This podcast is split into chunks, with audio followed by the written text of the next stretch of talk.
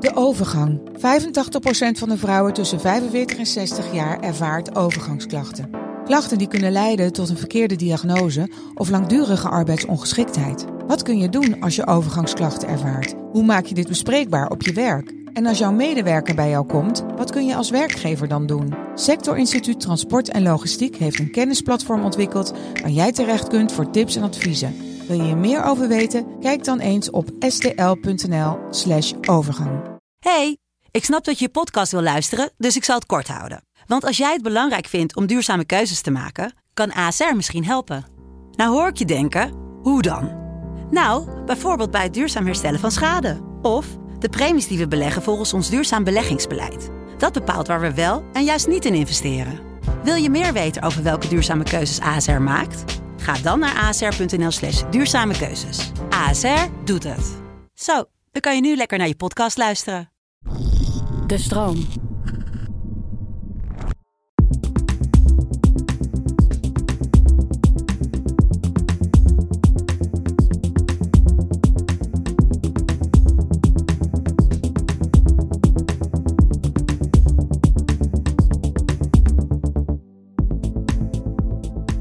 Fijn dat je luistert naar de Podcast Psycholoog.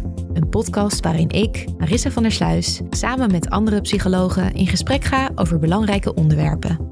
Om zo met z'n allen onszelf en anderen beter te leren begrijpen. Vandaag gaan we het hebben over het verbeteren van relaties. En eh, daarvoor heb ik Fleur Kranen uitgenodigd in de studio. Fleur, jij bent klinisch psycholoog in opleiding bij Altrecht, bij de polypersoonlijkheid. En je, daar ben je bijna klaar mee. Ehm, en je bent praktijkhouder bij de gezonde volwassenen. Daarnaast ben je nog gepromoveerd in huiselijk geweld. Zeg ik het helemaal goed zo? Ja, ja. Welkom in de studio. Dankjewel. Ja, het onderwerp relaties is op dit moment echt enorm populair. En dat merk je aan hoe gewild boeken over liefde en relaties zijn, maar ook aan het succes van bijvoorbeeld podcast van Esther Perel, een hele bekende relatietherapeute. En ik snap dat eigenlijk ook wel, want iedereen gaat relaties aan met anderen, maar niemand heeft ons ooit verteld hoe we dat precies het beste kunnen aanpakken. Ik vraag me alleen soms wel af of we niet een beetje zijn doorgeslagen en misschien soms ook te hoge verwachtingen hebben van relaties. Mhm. Dat is in ieder geval wel iets wat mij tijdens mijn werk als therapeut, maar ook in mijn eigen omgeving vaak opvalt. Her- Herken jij dat ook? Ja, zeker. Ja? absoluut. Ja.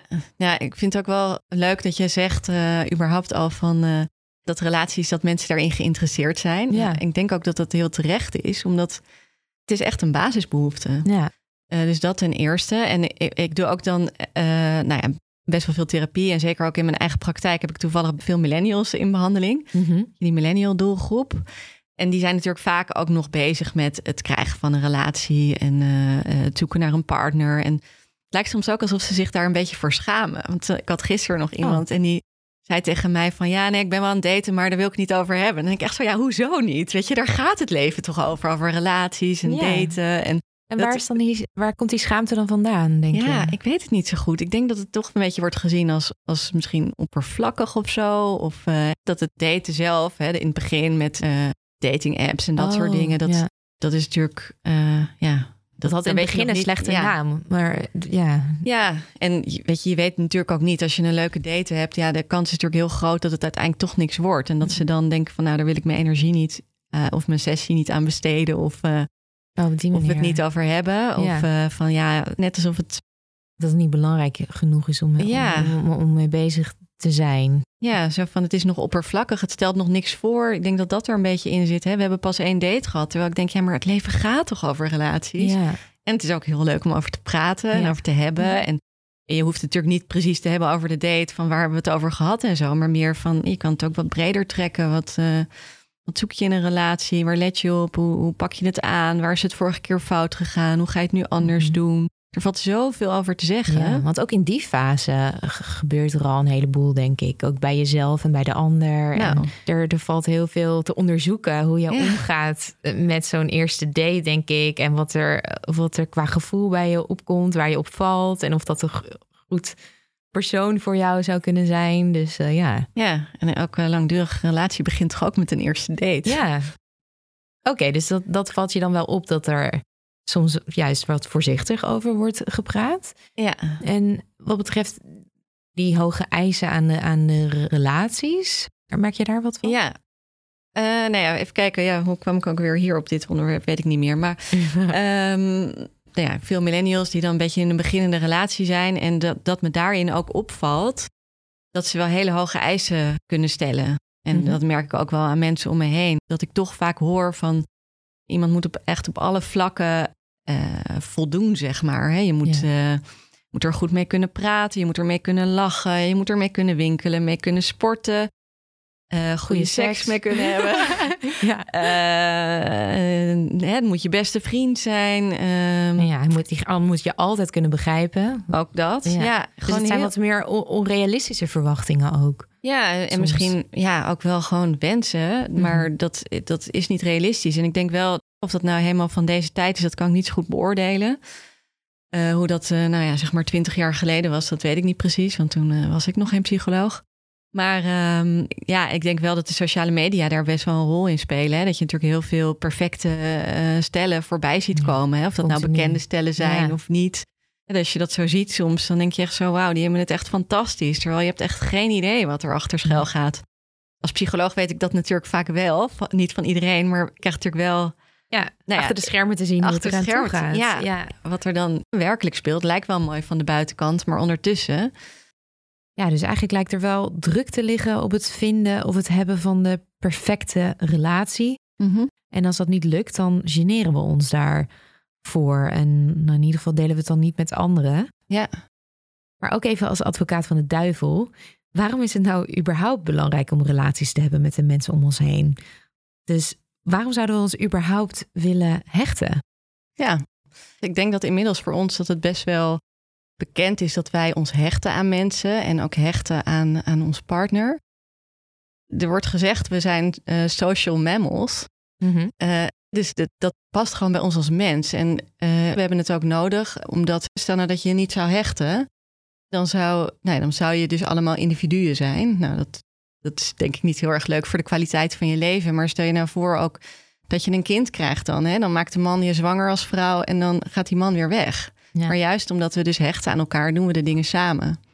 Ja, dus er worden dingen voor jou gedaan als je je aan iemand hecht. En ja, je, doet, je kan dingen delen. Ja, uh, je doet het samen. Ja. ja. ja. en ik vind ook, er zijn echt hele mooie voorbeelden ook, vind ik, over hechting en het belang van de nabijheid. Hè? Dat je ook wel eens hoort over dat uh, premature baby's bij elkaar, als ze tweeling zijn, bij elkaar in de couveuse worden gelegd. Mm. Dat ze het dan beter doen dan als ze allebei een eigen couveuse krijgen. We hebben die nabijheid echt ontzettend nodig. Het is niet een soort luxe van, nou, het is wel leuk, het is wel gezellig. Ja, het is echt een aangeboren drive. Ja. Een van de, de eerste levensbehoeften. Ja. Nee, je hebt ook, weet je wel, van die voorbeelden van kindertjes in Roemeense weeshuizen, waar ze bijvoorbeeld helemaal geen, waar ze wel misschien wel voldoende te eten en te drinken kregen, maar geen aandacht. Nee, en of aanraking. Je, of aanraking. Uh -huh. En als je kijkt naar die brein van die kinderen, die zijn gewoon echt de helft van wat een gezonde tweejarige zou moeten hebben. Het is niet een luxe, dat, nee. die aanraking, de hechting, de verbinding, maar het is echt een noodzaak. Ja, voor de, ontwik voor de, ook voor de ontwikkeling van de hersenen en van het zenuwstelsel zou je kunnen ja, zeggen. Absoluut. Ja. ja, en dat blijft gewoon. Ja. En wanneer spreek je dan van een gezonde relatie? En dan zijn er natuurlijk verschillen met een partner, vrienden en familie. Mm -hmm. Ja, er wordt ook wel eens heel erg de nadruk gelegd in de maatschappij van we moeten allemaal onafhankelijk zijn. Maar in feite kan dat dus helemaal niet. Dus je moet je eigenlijk echt wel afhankelijk ook durven opstellen van een partner. Zonder natuurlijk meteen weer helemaal je erin te verliezen. Mm -hmm. Dus dat je durft te hechten. Dat je je niet helemaal vastklampt. En ook niet je partner heel erg emotioneel op afstand houdt. Maar dat je iemand gewoon op een gezonde manier dichtbij durft te laten. Er ook op durft te vertrouwen dat hij er is. En ook weet dat als hij even weg is, dat hij weer terugkomt. Dat zijn allemaal wel kenmerken van een gezonde relatie. En dat is dan een partnerrelatie waarin er eigenlijk een goede balans is tussen die mm -hmm. twee dingen. Dus je kan je ook wel wat afhankelijk opstellen en ook op die ander durven te leunen. Mm -hmm. Maar ook die onafhankelijkheid. Hoe zit dat bij vrienden? Is dat nog anders in vriendschappen? Nou ja, kijk, vrienden zie je natuurlijk veel minder vaak. Dus dat is natuurlijk wel anders in die zin. Maar ik denk toch dat er wel eenzelfde soort proces aan de hand is. Dat je toch vertrouwt dat die vrienden er zijn. Uh, ook al spreek je ze niet elke dag of elke week of elke maand Ik, ik weet niet hoe dat voor jou is, maar ik heb ook wel ervaringen met vrienden die je dan. Nou, toevallig zag ik laatst nog iemand die had ik jaren niet gezien. En die nodigde me uit om even wat te gaan drinken. Dacht ik, nou leuk. En je begint gewoon te praten alsof het gisteren was. Ja, ja, je gaat helemaal niet beginnen met van nou, hoe is jouw leven gegaan in de afgelopen paar jaar? Maar het gaat over, hé, je hebt een hond, wat leuk, hoe heet die?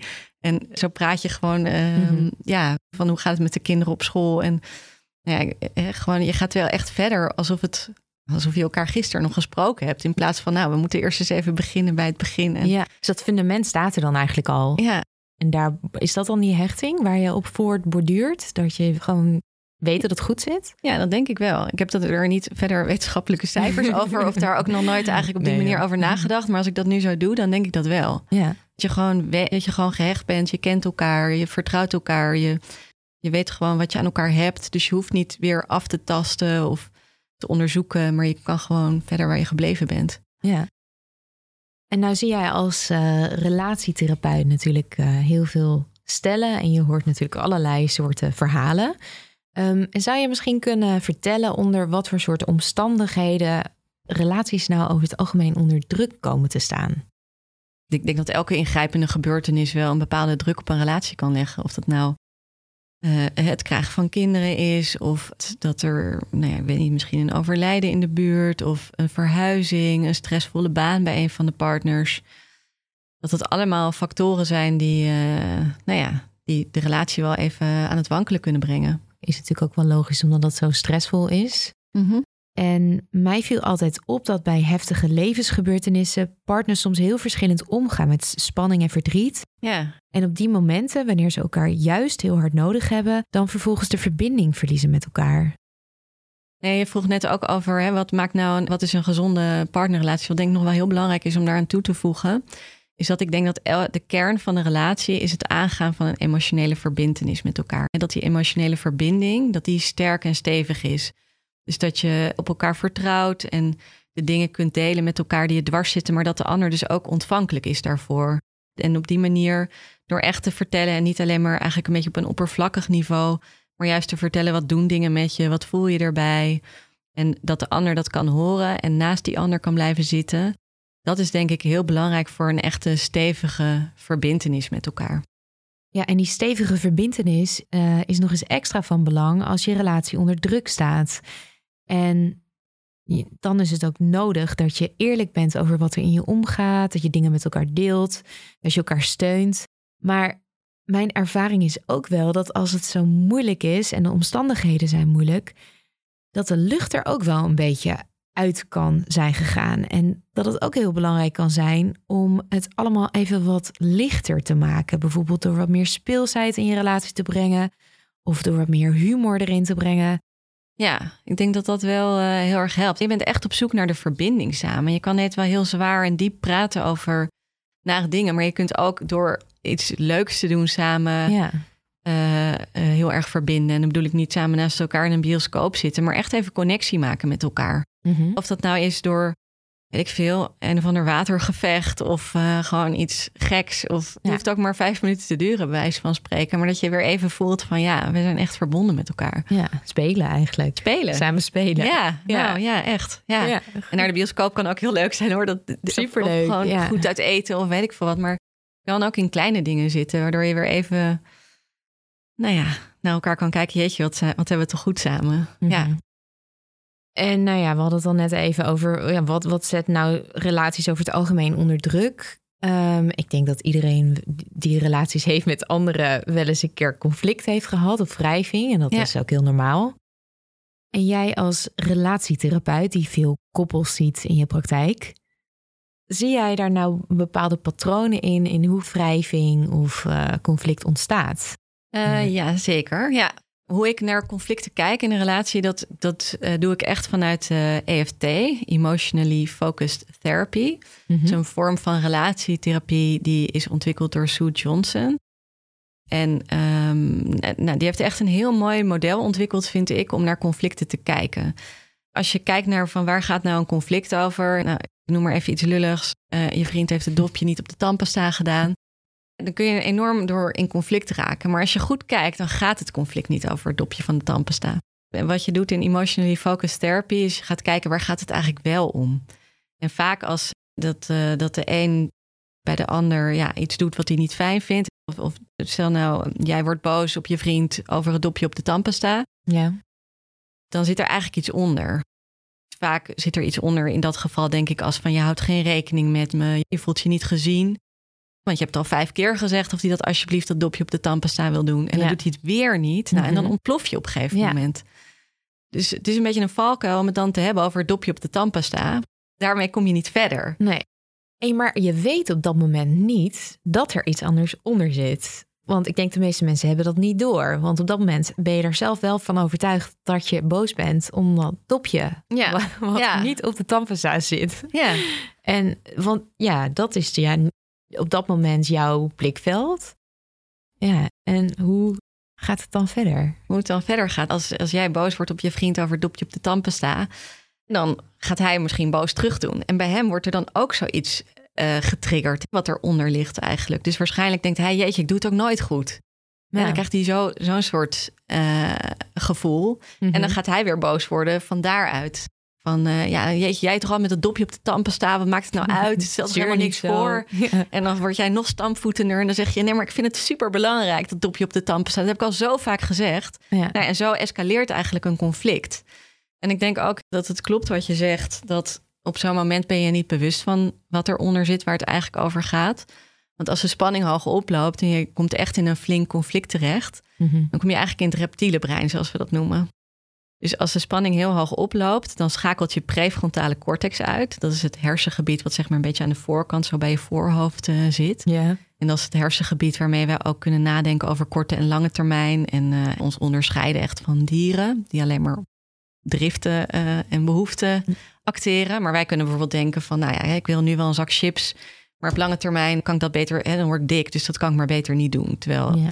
Nou ja, dus dat stuk van het brein. Kunnen we kunnen dingen remmen, bepaalde driften remmen. En we kunnen een beetje plannen, controleren. Absoluut. En dat gedeelte van het brein is de prefrontale cortex. Ja, en als je heel boos wordt, dus je staat, hè, je spanning loopt heel erg op. Heel bang wordt kan ook. Mhm. Dan schakelt dat deel van je brein schakelt uit. En dan kom je eigenlijk in een vechten, vluchten of bevriezen modus. En uh, nou ja, als je twee mensen hebt die flink tegen elkaar tekeer gaan, dan zit je allebei in de vechtmodus.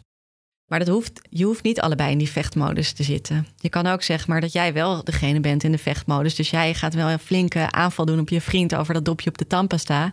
En hij denkt, oh jee Marissa, daar gaat ze weer. ik doe even een stapje naar achter, ik, ik zoek dekking. Ja. Dus hij gaat dan vluchten en trekt zich terug. Ja. Dan word jij waarschijnlijk nog bozer. Want dan denk je, nou, blijf nou hier. Ik wil nu dit conflict over dat dopje op de tandpasta oplossen. Ja, dus dan gaat de ene meer achteraan en de ander die deint steeds meer terug. Dus dat is ook nog een dynamiek. Dat is ook nog een dynamiek die er kan zijn. Ja. En dan heb je nog een derde dynamiek. Ja. Namelijk dat je allebei terugdeinst. Oh, maar hoe, hoe ziet dat er dan uh, dat is met ingewikkeld. Het, ja. dopje dan nou ook weer Nou ja, uh, jij ziet dat weer, dat dopje op de tandpasta. En je voelt wel diezelfde pijn van hij houdt geen rekening met me. En je trekt je terug, een beetje gekwetst. Mhm. En hij voelt wel, oh shit, ik ben weer dat dopje vergeten. En hij denkt ook, oh. nou weet je wat, ik laat het maar even rusten. En dan morgen is het misschien wel weer goed. En eigenlijk is dat de lastigste dynamiek in de relatietherapie. Dan borrelt het dan wel van binnen? Ja, het borrelt van binnen. En, maar dan oh, laat ik zo, ik ben het. laat ik het dan wel een beetje merken of doe dan, is dat helemaal niet aan mij te merken en speelt het zich alleen nog maar intern af? Dat ik daar ehm, ja, dat verschilt een beetje per persoon. Ik denk dat het het, het meest in gedrag te merken is voor de ander. Hè? Oh, Als jij dan maar terugtrekt uit de badkamer en je vriend vraagt nog iets over, uh, weet ik veel wat. En je geeft heel zachtjes antwoord, heel matjes. En dan denkt hij, oh jee, ik heb het weer verkeerd gedaan. Hij trekt zich ook terug. Ja, dan heb je eigenlijk geen dynamiek meer tussen twee partners. Verwijdering. Ja, maar dat is het alleringewikkeldst want je hebt het ook vaak niet door dan, wat je net ook zei, van merk het dan altijd? Nou, niet altijd dus. Je hebt het soms ook niet door dat je de ander gekwetst hebt of uh, en je lost het ook niet op. Nee, heel ingewikkeld, want er is ook niemand die het probleem aankaart. Nee.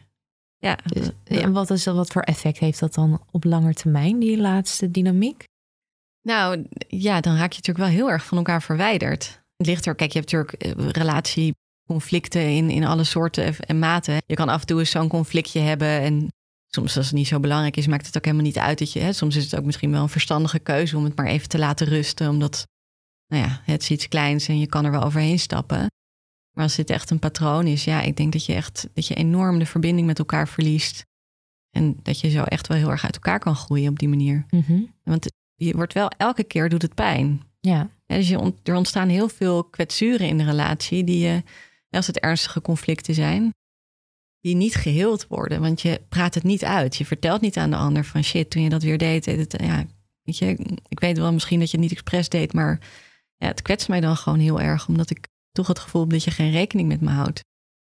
ja, nee, dat soort gesprekken ontstaan volgens mij vrij weinig spontaan. Ja, En die, die drie dynamieken die je net noemde, die ontstaan juist wel vaak. En die zie jij waarschijnlijk ook heel vaak terug. ja, Ehm, maar dat is dus ook moeilijk om te herkennen op het moment zelf.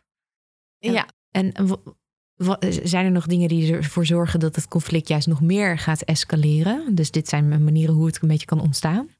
Ja, nou ja, dit is eigenlijk een soort cirkel die je loor- doorloopt. Je drukt op elkaars rode knoppen. Ja. Jij drukt op het rode knopje van je vriend en je vriend weer op dat van jou. En dat, hoe vaker dat heen en weer gaat in één escalatie, hoe meer dat patroon inslijt en Ja. hoe ja, meer pijn je elkaar doet eigenlijk, onbewust. Eh, ja, want je hebt zelf pijn en dan wil je dat eigenlijk niet dat die ander jouw pijn doet, dus ga je in de aanval. ja, als je, als je allebei tegen elkaar ruziet, zeg maar. Mhm. Als je in die dynamiek zit, dan ga je allebei in de aanval, ja. Ja. Wel misschien ook nog wel goed om bij stil te staan, want de ruzie klinkt wel heel negatief ook. Maar eigenlijk is het ook een protest van allebei, welke stijl je ook hanteert. Of je nou de aanvaller bent en heel erg het conflict opzoekt of de terugtrekker. Je doet het allebei om de relatie eigenlijk, eh, om, te, om in protest te komen tegen het stukje emotionele verbinding wat je kwijtraakt. Hè, je Ja, bent ja. goed met elkaar in contact en degene die, die de ruzie opzoekt, Mhm. Die, die denkt van, hé, maar de verbinding verlies ik, want jij doet me pijn. En die gaat eigenlijk voor zichzelf opkomen om die verbinding te herstellen. En de terugtrekker, die doet eigenlijk een beetje hetzelfde.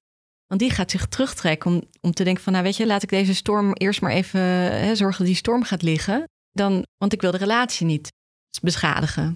Dus beide proberen iets te doen ten gunste van de relatie, hè, om de relatie te lijmen. Alleen het is niet handig. Dat, dat klinkt ook weer zo tragisch ergens. Want de intentie, dat, want het is heel mooi. Dus de intentie is zo goed. Maar Ja. het, het tragische zit hem dan voor mij dan in dat je vaak dan dat effect niet bereikt. Of dat die ander dat niet ziet. Dat, Ja. eh, dat die ander niet probeert om de relatie te bagatelliseren of om jou eh, te kwetsen. Maar het ook doet met dezelfde intentie als jij. Namelijk dat je die verbinding probeert op te zoeken. Heb je dat ook wel eens, dat gevoel als je bij stellen bent, dat je dan... Ja, heel oh, erg. Jammer. Dat, Ja, heel erg. Ja, de- de- vaak zie je ook wel van jullie hebben echt wel, er is heel veel liefde tussen jullie en jullie willen allebei, maar op de een of andere manier, zoals in, zeker in het begin van de therapie dan, jullie zijn toch van elkaar verwijderd geraakt. Terwijl Ja. eigenlijk zie ik ook dan bij beide partners gewoon echt waar de pijn vandaan komt. En ja, dat roept bij mij ook wel heel veel op. Weet je, als je ook ziet, als je ook mensen laat praten, hè, mensen die binnenkomen, die hebben vaak, die zitten dan een beetje hoog in de emotie, in de boosheid. Of, in, of de terugtrekkers zitten meer een beetje in een bokkige dynamiek van. eh, die laten niet zoveel los. Maar als ze op een gegeven moment, als je ze een beetje kan laten afdalen van de boosheid naar wat zit er nou eigenlijk onder? Waar komt die pijn vandaan? Dan als je echt bij die diepste pijn bent, dan, dan roept het heel veel empathie op. Dan zit ik ook vaak met tranen in mijn ogen, omdat het gewoon echt, weet je, het komt zo dichtbij en het is zo intiem. En dat wil je ook eigenlijk in een relatietherapie, dat beide afzakken naar het niveau waar de pijn zit en dat je daarover met elkaar in contact kan komen. Dat je daarover gaat vertellen. Als je dit doet, dan roept het bij mij zoveel pijn op. En die pijn die komt natuurlijk ergens vandaan. Dat is Mhm. eigenlijk ergens oud zeer wat wordt getriggerd. Als je daarover de partners met elkaar in gesprek kan laten komen, dan ontstaan er echt zulke mooie dingen. Dus ik vind het altijd heel moeilijk, zo'n relatietherapie. Maar is ook als het goed gaat, is het wel echt, geeft enorm veel voldoening. Is het echt heel mooi wat er ontstaat. Ja. Het is prachtig. Ja. Ja. En de kunst is dus om te leren ja, af te dalen. Ik, noem, Ja, ik gebruik even jouw woorden. eh, naar een wat dieper liggendere laag. In plaats van het niveau van het dopje van de tandpasta. En, Ja. eh, nou, ik weet niet of er, nog meer van dit soort voorbeelden Nou, de zijn. maar- vuilniszak die niet buiten komt. De afwasmachine die verkeerd is ingeruimd. Ja, iemand die geen oppas heeft geregeld. Of, nou, kan echt dat van soort- alles zijn. Ja, en daar Ja. ontstaat dan een hele grote ruzie over. Maar eigenlijk zit daar dan wat onder. Ja. Ehm, hoe doe je dat? En heb je misschien een voorbeeld van iets uit de praktijk waarbij dat, eh, Hoe doe je wat? Dat afdalen. Dat afdalen. Ja, naar een dieper niveau. Nou, als ik dus uh, als ik met die stel in de kamer zit en je gaat vaak vragen uh, van nou, vertel eens. Ik begin dan vaak bij degene die het hoogst in de emotie zit, omdat je die eigenlijk het snelste. Nou, het is vaak ook het makkelijkste te laten afdalen, maar dat is ook wel fijn voor een beetje rust in het gesprek. Ja. Uh, als je in het begin, als iemand boos bij je zit, laat die boosheid maar even komen. En ik valideer het en ik zeg, ik zie dat je echt ontzettend geraakt bent en woest bent. En dat het je echt. Uh... Op een gegeven moment zakt boosheid wel. Mm Weet je, mhm. het is een soort vat. En op een gegeven moment, als je dat maar lang genoeg laat uitrazen, dan raakt het wel leeg. Ja. Dus dan komt iemand een beetje tot rust. En dan mm ik ook een, ga ik ook een beetje meer in het lichaam uh, vragen. Van nou, wat voel je nu? Waar voel je dat in je lichaam? Waar zit dat? Uh, en dan vaak zeggen ze van, nou, ik voel helemaal mijn schouders gespannen, een bal in mijn buik, een druk op mijn borst. En als mensen dan naar het lichaam gaan, dan gek genoeg, dan al snel eh, lukt het ook wat meer ja, om met die primaire emotie in contact te komen. Hè. De boosheid noemen we eigenlijk een secundaire emotie en daaronder zit een primaire emotie. Dat is dan eigenlijk vaak angst of verdriet of mhm. een afgeleide daarvan. En daaronder zit eigenlijk van welke hechtingsbehoefte, zoals we dat noemen, er niet vervuld is. Dus ik word niet gezien. Uh, iemand heeft geen respect voor me. Uh, ik mag mijn eigen gang niet gaan. Dan gaat het over autonomie. Ik doe het niet goed. Is er eentje die we heel veel tegenkomen of die ik heel veel tegenkom. Ah, ja. Dus je gaat een beetje, ik ga een beetje proberen te gokken ook van wat zou er nou onder kunnen zitten. Dus als je een beetje weet waar je het kan zoeken en dat soort dingen, hè, de tekorten eigenlijk dan kan je ook wel een beetje gokken. Zo'n dopje op de tandpasta, ja, dat is toch wel vaak... Je houdt geen rekening met me, ik word niet gezien of niet gehoord. En als je de goede uitspraak erbij zegt, dan hebben mensen iets, ja, dat is het. Mm. dus dan weet je eigenlijk, voel je meteen, je zit goed. En dat is natuurlijk ook een beetje de ervaring dat je wel een beetje weet waar je het moet zoeken. Dus zo op die manier kan je mensen helpen uh, afdalen eigenlijk naar de primaire emotie. En vaak je probeert ook wat je in het begin van zo'n EFT-relatietherapie ook doet, is bijvoorbeeld een um, genogram maken, zoals we dat noemen, eigenlijk een soort van stamboom, waarin je ook een paar generaties in kaart gaat brengen en een beetje laat praten over wat voor type moeder had je, wat voor type vader, hoe was je jeugd, hoe was de sfeer, zodat je ook een beetje snapt waar iemand vandaan komt. En die hechtingsbehoeften die niet vervuld worden, hè, dus ik word niet gezien bijvoorbeeld, dat gevoel. Um, vaak kun je dat wel relateren aan waar iemand vandaan komt. Dat je ziet van, oh ja, maar die had echt een hele afwezige moeder en een uh, vader die altijd aan het werk was. Dus die is vroeger ook gewoon echt heel weinig te zien. Dus ik hmm. snap dat dat nu nog een heel gevoelige plek is. Ja, een soort blauwe plek eigenlijk die, die je nog hebt overgehouden aan uh, hoe je bent opgegroeid. Ja. En daar drukt misschien jouw partner op, uh, terwijl die dat helemaal niet altijd weet. En ja. niet weet dat dat eronder ligt. Mm Oké, en dan even van relatietherapie mhm. naar uh, ja, misschien wat je zelf zou kunnen doen als je in een relatie zit. En dat kan dus zijn een vriendschappelijke relatie of misschien een relatie met een familielid. En er is conflict of er is wrijving. Ik had net verteld iets over het reptiele brein. Hè? En als, je, als de spanning hoog oploopt, dat je in een vechten, vluchten of bevriezen modus komt. Ja. Nou, dat is het moment waarop je eigenlijk niet echt voor reden vatbaar bent. Dus als je voelt van, nou, ik zit in dat gebied, ik heb een beetje kortsluiting in mijn hoofd, ik kan echt alleen maar denken aan, ik ben boos. En ik wil die ander uh, kwetsen. Ik wil die ander kwetsen. Ja. in het ergste geval, ja. ja. Of echt dat je alleen maar je punt wil maken. Dan, uh, dan is het dat is niet het moment waarop je, je je conflict kan uitpraten. Want je krijgt eigenlijk een beetje tunnelvisie en je ziet alleen maar je eigen punt. En je kan helemaal niet luisteren op zo'n moment naar de ander. Dus ik denk dat dat een moment is als je voelt van nou, het conflict is echt zo hoog opgelopen of het gaat die kant op, dat je dan eigenlijk even een time-out moet nemen. Het hoeft helemaal niet heel dramatisch groot iets te zijn, maar van nou weet je, wacht, laten we heel even, we komen er zo op terug, oké? Vooral als het gesprek ook een beetje in cirkels begint te gaan. Dat, dat, dat is voor mij altijd zo'n punt dat ik denk, volgens mij moeten we hier gewoon even uitstappen, want ik hoor mezelf, weer, ik hoor mezelf dingen gaan herhalen, ik hoor jou dingen herhalen. Volgens mij uh, is dit het moment dat we hier even niet uitkomen. Ja, klopt. Ja, het wordt een beetje wel eens niet eens, hè, eigenlijk. Ja. ja.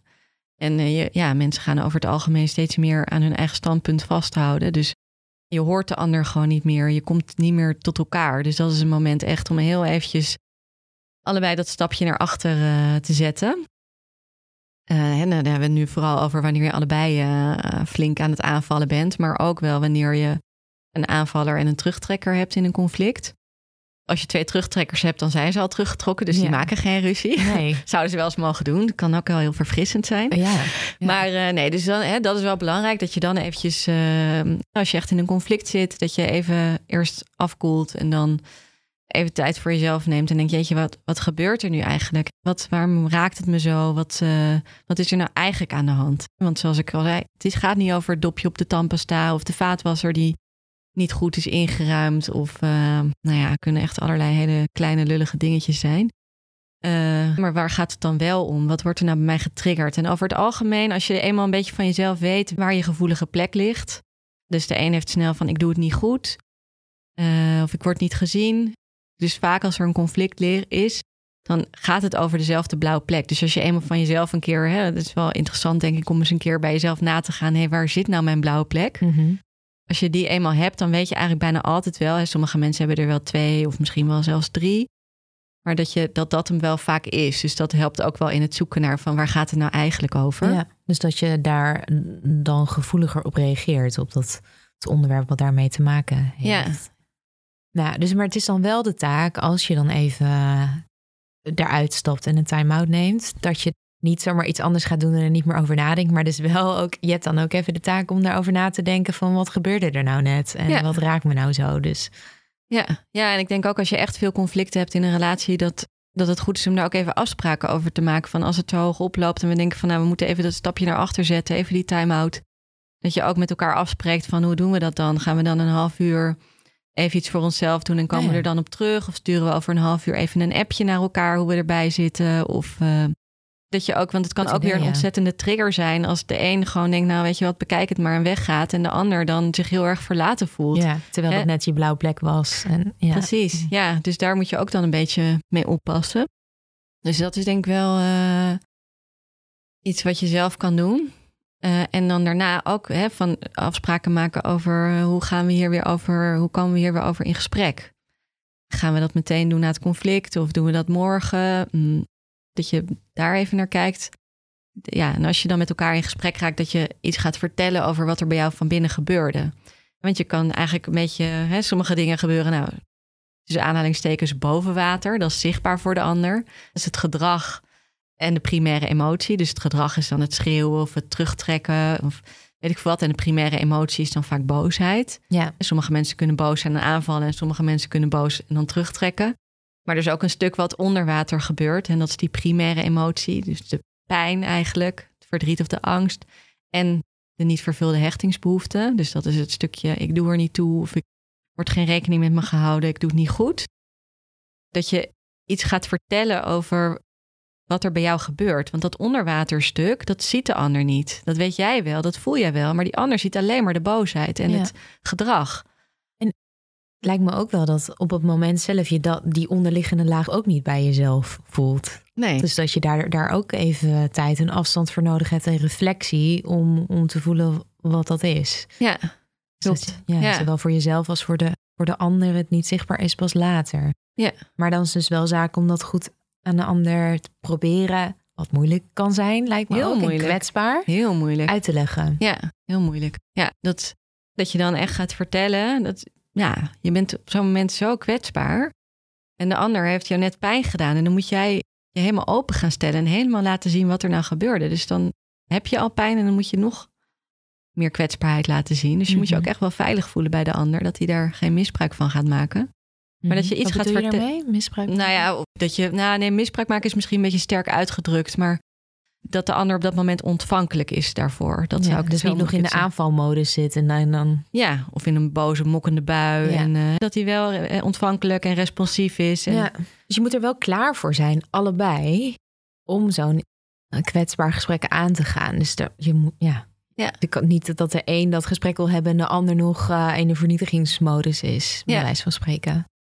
ja, dat is wel belangrijk. Want anders dan ga je dus iets heel kwetsbaars vertellen. Hè? Van, ja, jij deed het dopje niet op de tandpasta en toen werd ik boos. Maar eigenlijk voelde ik me gewoon heel erg niet gezien. En alsof er geen rekening met me werd gehouden. En dat doet me zo denken aan het oude gevoel dat ik vroeger thuis altijd had. Dat je Mhm. bijvoorbeeld zoiets vertelt, terwijl die ander nog in een soort mokkende boosheid is. En dan zegt, ja, eh, kan mij het schelen. Eh, ik word gewoon gek van het gezeur over dat dopje op de tanden staan. Ja, Die zit dan ja, nog heel erg ja, dat in de inhoud. fijn. Ja, ja. Eh, Die zit nog niet in die laag eronder. Nee, nee, dus dat is wel belangrijk. Maar dat is wel hoe je eigenlijk wil dat je daarover met elkaar in gesprek gaat. En dat is hartstikke moeilijk natuurlijk.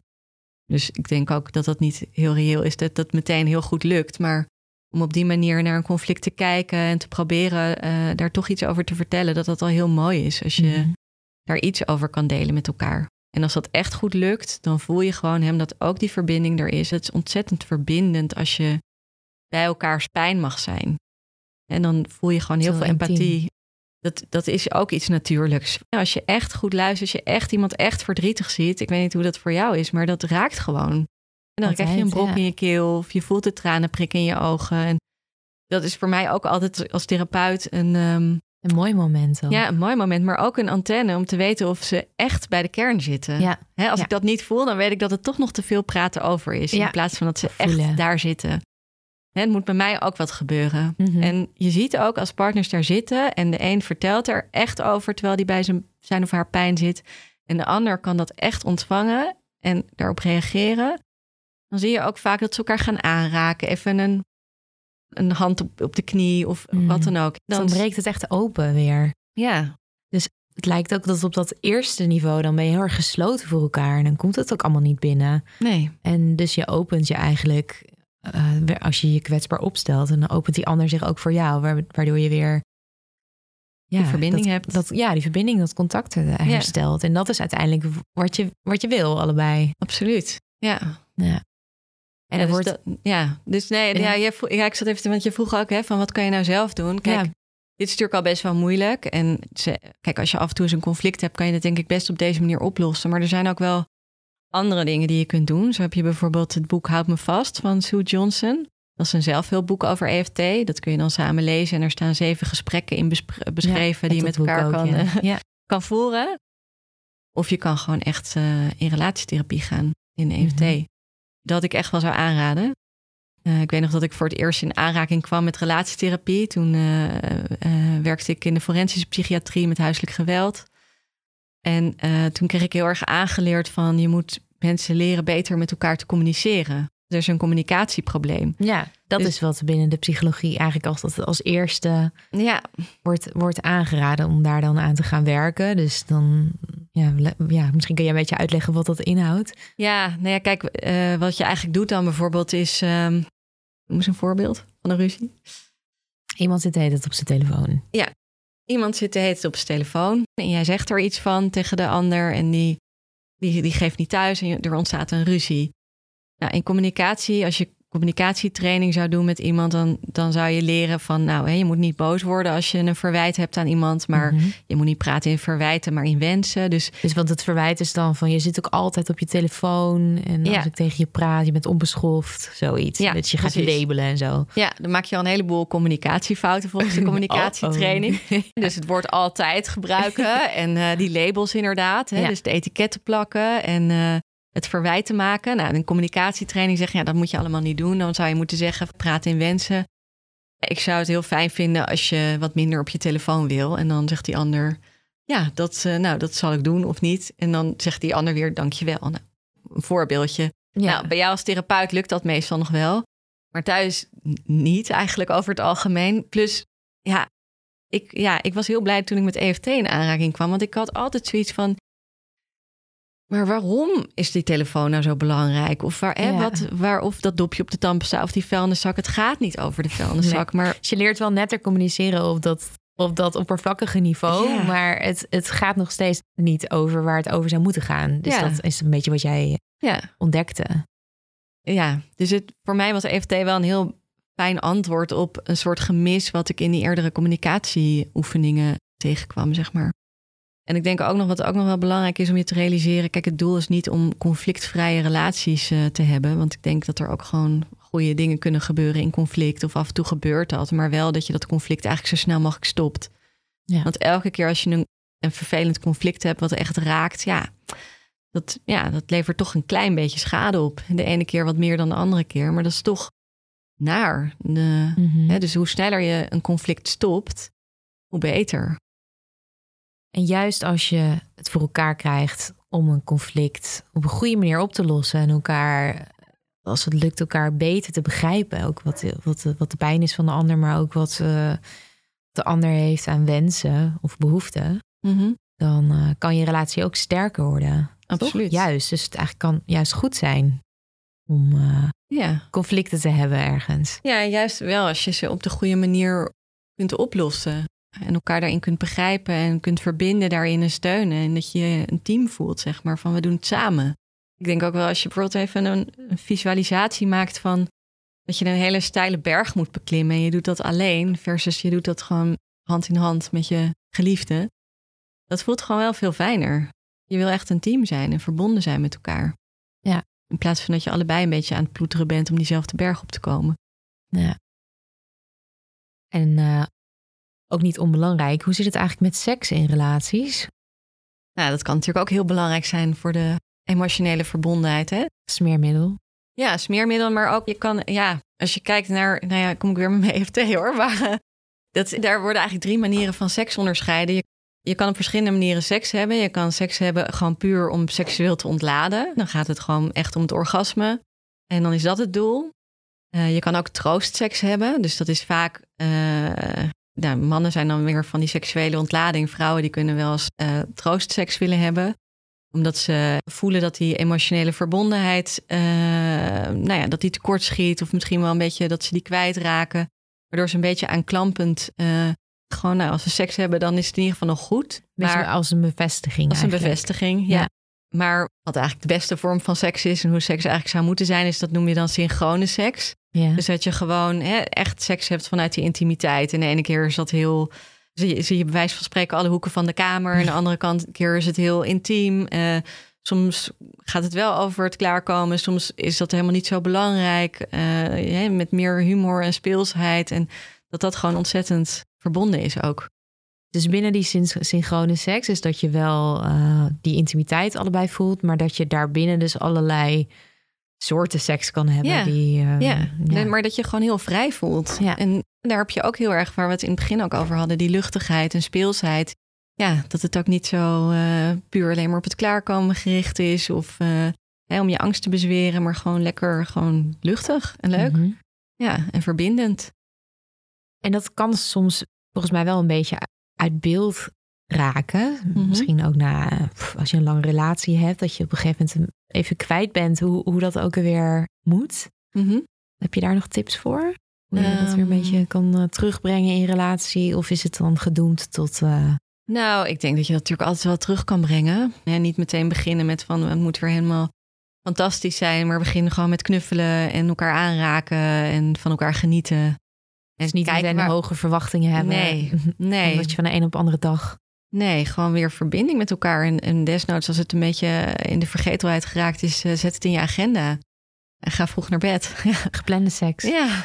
beter dan niet. Ja, en dan Beter wel. ni- geen, ja. Beter dan niet. En zorg gewoon dat het dan leuk wordt, omdat je, omdat je het vanuit die verbinding doet. En niet zo van, oh, hè, oh, het is zo laat, we moeten. Maar ga dan gewoon lekker samen in bed liggen. En eh, weet ik veel, pak de massageolie. Of eh, het hoeft niet altijd per se echt seks te zijn. Niet, het hoeft Kan- niet per se om de daad te gaan. Maar Nee, precies. Het gaat erom dat je tijd voor elkaar vrijmaakt Ja. daarin. Ja. En dan weer even breder dan romantische relaties. Heb jij nog adviezen hoe je over het algemeen je relaties f- fijner zou kunnen maken? Dus zowel je romantische relatie als relatie met vrienden of Ja. familie. Nou ja, ik, eh, ik denk dus wel echt ehm, eerlijk en open zijn naar elkaar over en over gevoelens praten. Durven delen wat er bij jou van binnen gebeurt. Dat is heel verbindend. En ik heb ook, ik heb gewoon echt best wel veel, nou ja, wat ik al zei, millennials in behandeling die dan bij mij komen vertellen over. ehm, ja, die trekken dan best een stoere jas aan in de buitenwereld, zeg maar. En dan, maar eigenlijk gewoon heel verdrietig zijn, zich eenzaam voelen, eh, onzeker zijn. En Dat Dan niet denk ik, met hun ja, dat vrienden bespreken. Nee, dat niet met hun vrienden bespreken, maar wel allemaal met mij. Dan denk ik, ja, als jullie dat nou eens gewoon met elkaar deden. Ja. Want jullie kwamen wel allemaal bij mij. Dus ja, hè, het is allemaal, ja, het is veel, er moet heel veel, veel eh, gericht op prestatie, hard werken. Er worden zulke hoge eisen gesteld door de maatschappij. Dat ja, je vergeet een beetje kwetsbaar te zijn. Terwijl ik wel denk dat daar, ja, daar ligt gewoon de kracht van verbinding. Ja, en tot slot, jij hebt natuurlijk zelf ja, veel ervaring met het uh, geven van uh, partnerrelatietherapie. In hoeverre heeft nou die kennis over relaties uh, jou zelf geholpen? Bij het vermijden van conflicten of bij het verbeteren van je eigen relaties? Um, ja, nou ja, ik ben me daar wel altijd heel, heel erg van bewust. Dat als er een conflict is of dreigt, dat ik in ieder geval zelf probeer te kijken van... Ik weet ook wel een beetje waar mijn... Of ik weet het niet een beetje, ik weet heel goed wat mijn blauwe plekken zijn. En ik heb wel ook heel erg geluk dat ik een partner heb nu. Die, wij drukken gewoon niet zo op elkaars blauwe plekken. Oh. Op elkaars rode knoppen. Dus dat is heel fijn. Ja, Hè, dat gewoon is toevallig. toevallig. Ja, ik heb Oh. dat ook wel eens heel anders gehad hoor. Maar dat ging, eh, het ging ook niet goed. Nee. Nee, dat was echt, echt verschrikkelijk. Maar ja, dus daar hebben we op zich wel eh, geluk mee. En eh, ja, ik, ik ben me wel ook bewust van dat het belangrijk is om angsten en eh, behoeften uit te spreken. Mhm. Dus daar, ja, dat vind ik af en toe ook wel heel erg spannend. Eh, maar dan vind ik toch dat ik het moet doen. Of dan weet ik gewoon dat, ik dat, dat het goed is om het wel te doen. Dus ga ik echt wel mijn best doen om mezelf toch over die drempel heen te zetten. Ja, dus ook jij voelt, voelt daar nog wel spanning Ja, bij. absoluut. Ja. Ja. jeetje, ik ben ook hartstikke kwetsbaar. Net als Ja, iedereen. Hè? Als je echt op dat punt zit, dan ben je gewoon heel kwetsbaar. En ik weet ook dat mijn vriend is eerder een terugtrekker. Dus ik probeer bij hem ook altijd wel te kijken van... hé, hey, wacht, volgens mij zit hier toch iets niet lekker. En dan ga ik er wel naar vragen. Mhm. Nou ja, dus dan heb je daar extra aandacht voor. Ja. ja, en dan probeer ik altijd wel bij hem na te vragen van... hé, hey, wat gebeurt er nu? Of volgens mij vind je die niet leuk. Of eh, wat is er aan de hand? Of en waarom is dat dan vervelend? En eh, Ja, hoe vindt hij dat? Dat je dat doet? zou je aan hem moeten vragen. Nee, ja, volgens mij vindt hij dat wel oké. Ja. Ja, ik vraag wel eens of hij het irritant vindt. ik probeer ook een beetje, ik ben natuurlijk enorm beroepsgedeformeerd. Dus ik probeer er ook wel een beetje rekening mee te houden dat ik niet altijd naar het, eh het diepste laagje ja. vraag en zo. Want uiteindelijk willen we ook vooral gewoon een leuk leven hebben samen en lol Ja, hebben. En Hoeft ook niet altijd daar nee, te gaan. nee, maar ik vind het wel belangrijk dat we het daar ook over kunnen hebben. Nou ja, dat, eh, dat doen we heel goed, vind ik eigenlijk zelf. Het is ook een beetje trial and error en gewoon Ja. zoeken wat werkt voor jou. En kijk, als je een goede, gezonde relatie hebt, dan kun je natuurlijk ook heel erg tegen een stootje. Ja, En zeker. luistert het allemaal niet zo heel erg nauw. Ja. Ehm, ja, Nou, en we zijn zo'n beetje richting het einde van deze aflevering gekomen. Dus ik zou heel graag met jou nog even de belangrijkste eh, dingen waar we het over gehad hebben op een rijtje willen zetten. Ja, nou, ik denk dat we, hè, wat we hebben besproken, dat je dat een beetje in twee stromingen uiteen kan, eh, eh, kan laten gaan. Dus enerzijds hebben we het gehad over conflicten. En anderzijds over eh, nou ja, het versterken van de verbinding.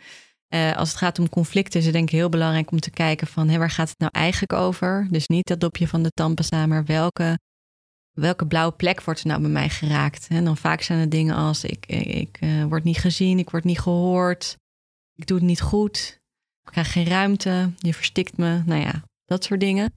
En dat je daarover met elkaar in, pro- in gesprek probeert te gaan. Ja. Eh, en dat, je, dus- dat het dus heel belangrijk is dat dat is op een moment dat je dat ook kan. Dat je responsief bent ook voor de ander. Want je moet echt bij de ander zijn. En Uit je reptiele brein. uit je reptiele brein zeker. Maar echt, je moet die ander echt kunnen voelen. Die, de, de emotie van de ander moet echt bij je binnen kunnen komen. Anders kan je Ja. dit gesprek Dus niet je moet voeren. je openstellen. Ja, is veel te spannend. Eh, en het tweede punt, hè, het, het vergroten van de verbinding. eh, dat is denk ik, eh, dat gaat heel erg over het uitspreken van je grootste angsten en je belangrijkste behoeftes. En ook dat is heel spannend. En En Ja, dat kan ook op een kwetsbaar. ander moment zijn. Ja, dat kan zeker. op een rustig moment zijn als je lekker samen aan het eten bent en in een intiem moment. absoluut. En de lol erin houden. Hm? En, de lol erin houden. Ja, Ja. absoluut. Ja, Samen spelen, samen spelen. goede seks. Goeie seks. Nou, als dat geen goede uitsmijter is, dan weet ik het ook niet meer. Dankjewel voor, eh voor je komst en eh, je uitleg over het verbeteren van relaties. Ja, graag gedaan. Vond het heel leuk. En misschien eh, tot ziens. Yes, ik hoop het. Wil jij nou nog meer weten over dit onderwerp? In de podcast Psycholoog Club praten Fleur en ik verder over traumatische incidenten binnen relaties die hebben geleid tot een breuk in de emotionele verbondenheid. Wil jij leren hoe je hier als stel in zes stappen het beste over kunt praten en elkaar kunt vergeven?